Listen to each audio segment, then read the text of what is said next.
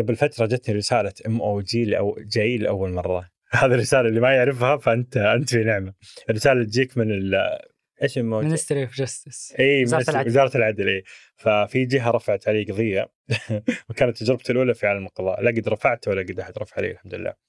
القضية كانت واضحة جدا بالنسبة لي. ويعني كنت أنا مظلوم جدا. يعني كان في جهة يعني جهة كبيرة تبغى مني شيء. وأنا أشوف إنه مو من حقها هذا الشيء. المهم فرفعت علي قضية. الشيء الوحيد اللي سويته الحمد لله ربي يوفقني فيه إني جبت محامي جيد. جبت محامي جيد شرحت له الموضوع. مع السلامة. راح سو حضر جلسة واحدة حتى أنا ما حضرتها وتكفلت القضية. أشهر عديدة وهم يلاحقوني وتهديدات وبنرفع بنرفع بنرفع. انتهت في جلسة واحدة. فشكرا والله. ضبطين انت المحامين. والله المنظومة العدلية جدا تطورت في الفترة الأخيرة. يعني من ناحية الجلسات أصبحت عن بعد. إي عن بعد وحتى هو اللي حضر وكذا يعني. وأرسل لي صك الحكم شكرا عفوا أنا لحقت أشتغل في المحاماة في بداياتي وكانت في البداية ما كانت الجلسات عن بعد. فتخيل لما تجيك جلسة في الرياض السفر ترى متعب. بعض الناس تحس السفر زين. لا السفر زين في السياحة. غير السياحة ترى ابدا. واساله ممتع هذا بودكاست الفجر من ثمانية. بودكاست فجر كل يوم. نسرد لكم فيه سياق الأخبار اللي تهمكم. معكم أنا حاتم النجار.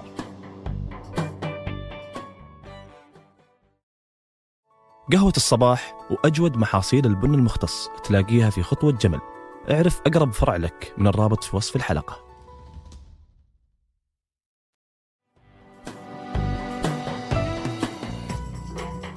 قبل سنتين ونص من اليوم أعلن ولي العهد الأمير محمد بن سلمان عن مشروع تطوير منظومة التشريعات المتخصصة. واللي كان عبارة عن خطة لإطلاق أربع أنظمة جديدة لتحديث القضاء السعودي وآليات إصدار الأحكام فيه.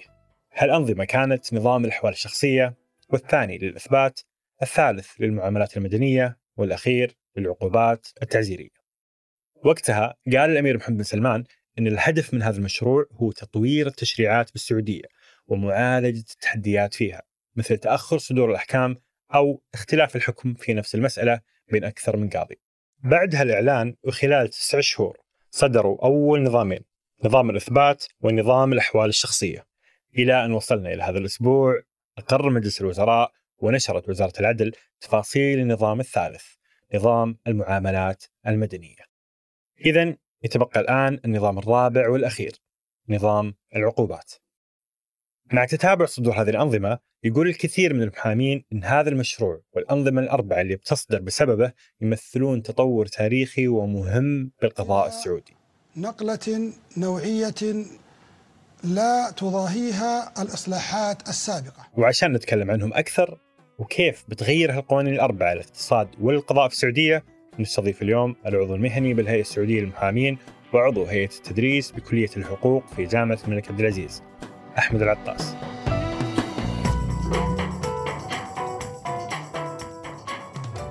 يقول ولي العهد الأمير محمد بن سلمان أن مشروع تطوير منظومة التشريعات المتخصصة اللي منها الأربع أنظمة اللي بنتكلم عنها يمثل نقلة كبرى بالقضاء. أحمد ودي أفهم سياق المشروع هذا أكثر وإيش التغيير اللي يحاول يسويه؟ أول شيء بسم الله الرحمن الرحيم.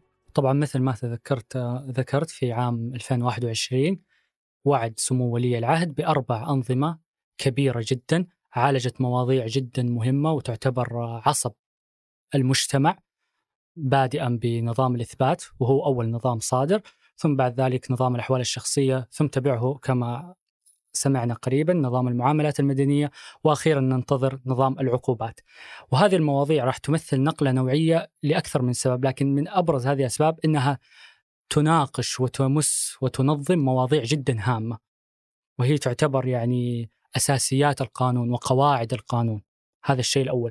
الشيء الآخر إنه هذا الحم أو هذا الوعد اللي وعد فيه سمو سيدي ولي العهد الأمير محمد بن سلمان راح ترفع من جودة الأحكام القضائية من ناحية توحيد الأحكام القضائية وسرعة إصدارها لأن لما يصبح عندك نظام فأنت تضمن بأكبر قدر ممكن أن الأحكام ستكون متقاربة قدر الإمكان ستصدر بشكل سريع قبل ذلك كان في نوع من التباين كان في نوع من سلطة واسعة للدائرة القضائية في إصدار الأحكام بينما اليوم نحن لا بالعكس صار عندنا أطر محددة وواضحة في إصدار الأحكام وهذا كله سيعود بجودة الحياة وتحقيق أهداف 2030 أحمد دائما مجلس الوزراء يصدر أنظمة باستمرار.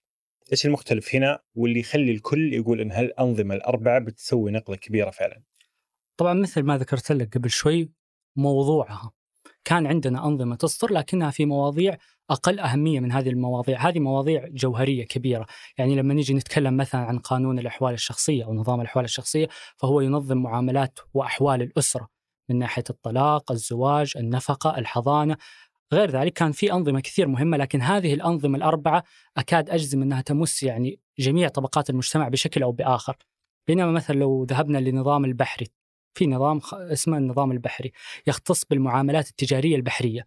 هذا النظام مثلا ما يمسني ولا يمسك بشكل مباشر، إذا إحنا ما إحنا تجار ما نشتغل في البحر، هذا النظام ما يمسنا، لكن هذه الأنظمة لا تتعلق فينا بشكل جدا كبير وجدا وثيق، وهذه أنظمة تعتبر يعني أم الأنظمة.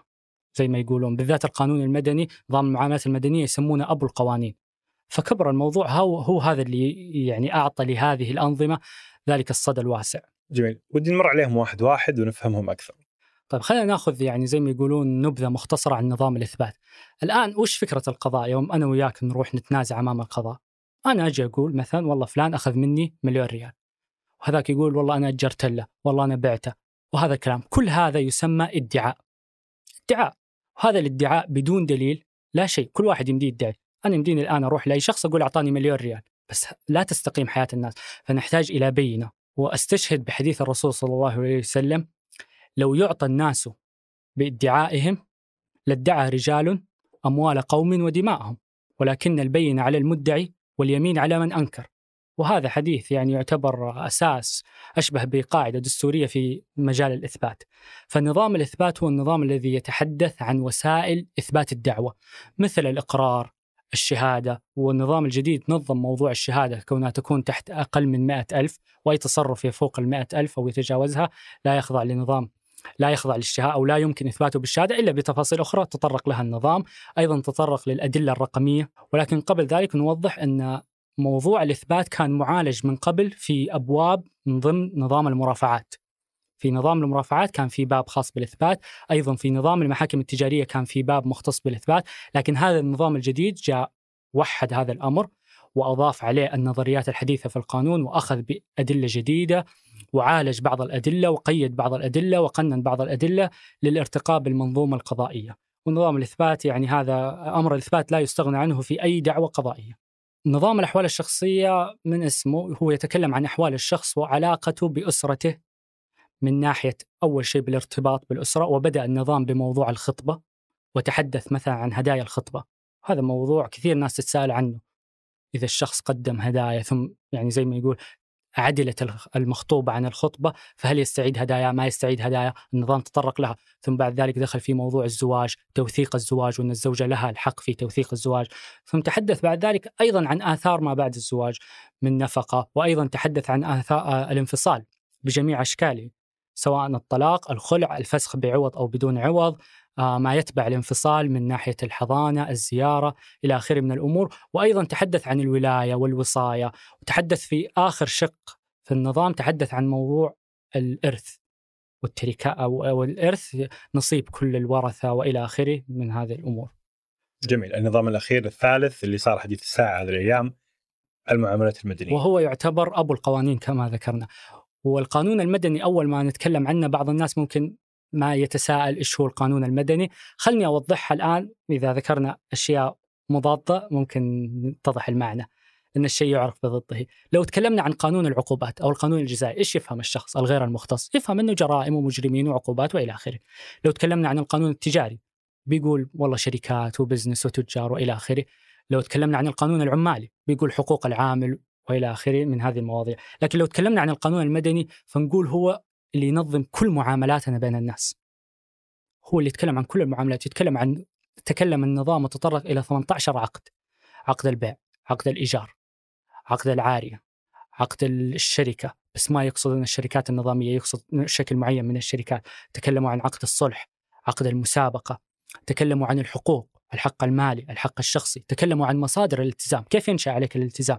هناك خمس مصادر الالتزام يعرفها القانونيين بادئا بالعقد ثم الإرادة المنفردة ثم الفعل النافع الفعل الضار النظام.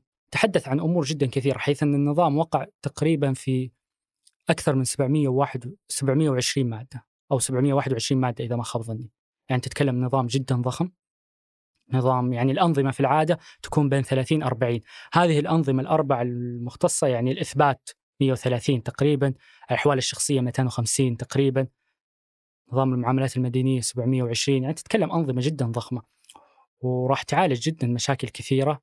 أبرزها زي ما تفضلت في في أول نقطة اللي هي محاولة توحيد الأحكام. لأن أنا إذا أنا وحدت الأحكام استطعت إني أنا أرفع نسبة التنبؤ بالأحكام. وهذا يعود على جودة الحياة. أنت الآن يوم تروح مكتب محاماة أو أي مكان وتسأله أنا بسوي هذا التصرف الفلاني، أنت تبغى جواب يقيني قدر الإمكان، ما تبغى يقول لك والله على حسب سلطة تقديرية وكذا. الوضع في السابق ما نقول إنه كان جدا يعني في تضارب في الأحكام بشكل كبير، لا هذا تصوير يصوره البعض وهو تصوير غير دقيق. لكن كانت فضاء الاجتهاد كان أوسع.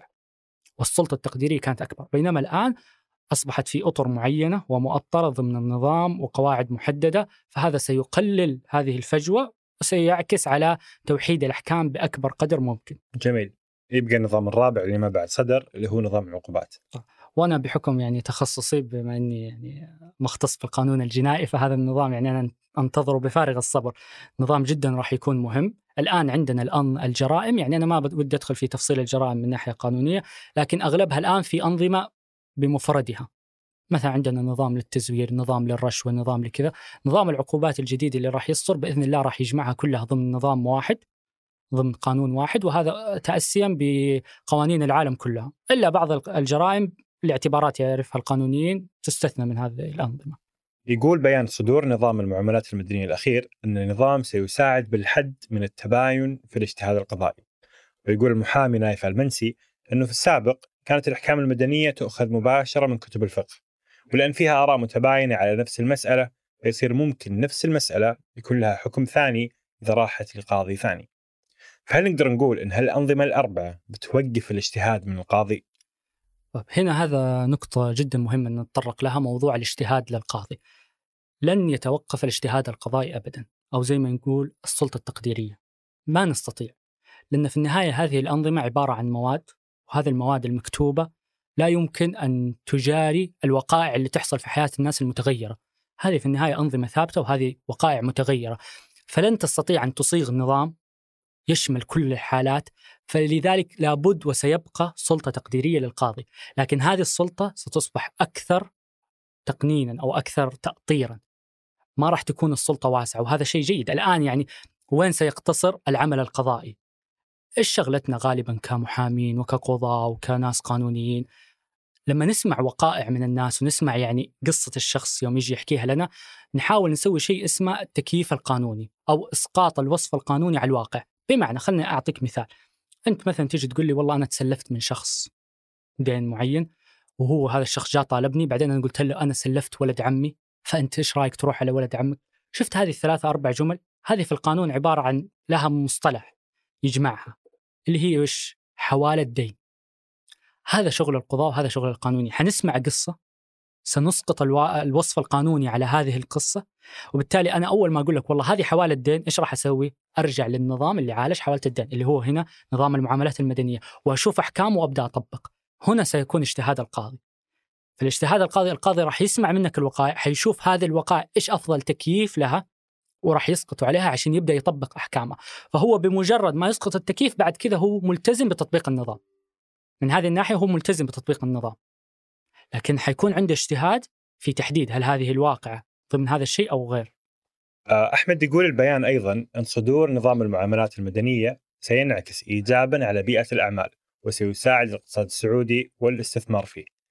وش المقصود هنا وكيف بالضبط بيساعد الأعمال والاقتصاد؟ هذا الشيء أيضا ذكر سمو سيدي ولي العهد في أكثر من مقابلة له موضوع الاستثمار الأجنبي وكيف أن القطاع الخاص والاستثمار راح ينعكس على اقتصاد الدولة وهذا شيء معروف. إحنا نعرف أن إذا جانا مستثمر أجنبي ضخ فلوسه في الدولة هذا راح يرفع من الاقتصاد في الدولة صح ولا لا؟ فهذا شيء منتهين منه. طيب ما راح يجيك مستثمر أجنبي؟ وما راح يجيك مستثمرين حتى يكون في قوانين واضحة. هو ما يبغى مثلا والله مسألة مفتوحة. هو يبي يسوي شركة معينة يبغى يقدم منتج معين خدمات معينة. هو يبغى محامي عنده محامين عنده كذا يبغاهم يفهمون. إذا والله قالوا المحامين والله لا هنا ما في توحيد للأحكام. والله هنا ما راح نرجع للنظام راح نرجع مثلا لكتب فقهية. يعني الوضع في السابق في الأشياء اللي ما كان لها نظام كان يرجع لعموميات الشريعة وأحكام الشريعة. وكان وكانت الأحكام زي كذا. يعني مثلا خلينا نأخذ مثال الآن ويستغرب منه بعض الناس مثلا موضوع القتل. إحنا ما عندنا الآن نظام يجرم القتل لكن هل القتل مسموح؟ طبعا لا. كلنا نعرف والقتل يحاسب عليه ونشوف أخبار من يوم ما ولدنا وحنا نشوف هذا الشيء. لأنه تؤخذ أحكام القتل من نصوص الشريعة وعموميات أحكام الشريعة. لكن التقنين بعكس كتب الفقه أكثر وضوحا لأن الكتب بطبيعة الحال ليست يعني هي ما هي مؤدي ما هي مكتوبة لغرض القانون، هي مكتوبة لغرض الشرح والمدارسة، فالكتب تحتوي على معلومات كثير، على استثناءات، على تفاصيل، أنت الآن كشخص غير مختص. عندك مسألة تبغى ترجع للنظام تبغى تعرف، لو تبغى ترجع مثلا نظام أحوال شخصية، تشوف موضوع النفقة. أنت لو ترجع مثلا لكتب الفقه قد تجد آراء كثير وأقوال كثير وبعضهم قال النفقه في هذه الأشياء وبعضهم قال كذا وبعضهم قال كذا والقضاء عندنا في الغالب يحكمون بكذا لكن في فئة قضاة ممكن ما يحكمون بكذا. أنت ما تبغى هذا الشيء أنت تبغى شيء واضح محدد. في نفقة ما في لا. أن في نفقة مسكن ما في نفقة مسكن. ترجع الهدية للخاطب ولا ما ترجع الهدية للخاطب؟ أنت ما تبغى تفاصيل. هذا صح عشان أنا أنظم الحياة. أنا كل ما قدرت أرفع من التنبؤ بالأحكام وأحصل على أحكام موحدة قدر الإمكان إذا كانت الوقائع مترابطة أو متوافقة هذا راح ينعكس على جودة الحياة وأيضا زي ما ذكرنا على موضوع الاقتصاد من ناحية جذب المستثمر الأجنبي. في 2007 أحمد أصدرت وزارة العدل لأول مرة مدونه الأحكام القضائية وأصدرت بعدها أكثر من نسخة. وحتى بيان إطلاق مشروع تطوير منظومة الأنظمة المتخصصة ذكر هالمدونه وأن المشروع الجديد جاء بعد عدم نجاحها. فايش كانت المدونة هذه بالضبط وليش ما نجحت وكيف تختلف عن المشروع الجديد؟ أنا أتوقع إنك ما تقصد المدونة الأحكام القضائية، أتوقع في في مدونة أخرى سميت بالمدونه القضائيه بس خلينا نتطرق للاثنين حتى نوضح. في مدونة اسمها مدونة الأحكام القضائية. هذه مدونة فيها مجموعة أحكام قضائية وكان عندنا نسخة صادرة في 1434 ونسخة في 1435 وفي نسخ سابقة وأيضا صدرت من ديوان المظالم، هذه عبارة عن أحكام قضائية بعضها يعني أعدوها كسابقة قضائية لكن في اختلاف بين القانونين بين الحكم القضائي السابق والسابقة القضائية لكن هذه كانت عبارة عن أحكام وهذه الأحكام كانت غير ملزمة للقضاة ولكن يمكن الاستئناس بها. يعني أنت يوم تروح لقضية وتقول للقاضي ترى شوف في عندي حكم سابق حكم كذا. القاضي بعض الأحيان يصعب عليه أنه يخرج عن هذا الحكم إذا شاف أن هذا الحكم صحيح. لكن هذا الوضع مختلف. الآن عندنا أنظمة والأنظمة لأن إحنا دولة في دول تأخذ بالسوابق القضائية. إنها تعتبرها ملزمة. لكن إحنا دولة لا السوابق القضائية أو الأحكام القضائية الأخرى غير ملزمة للقاضي. القاضي لا يلزم باجتهاد إيه؟ غيره. يلزم بالنظام. يعطيك العافية أحمد. الله يعافيكم وشكرا لكم. نتمنى أنكم استفدتوا. واجبت على أكبر قدر ممكن من الاجوبه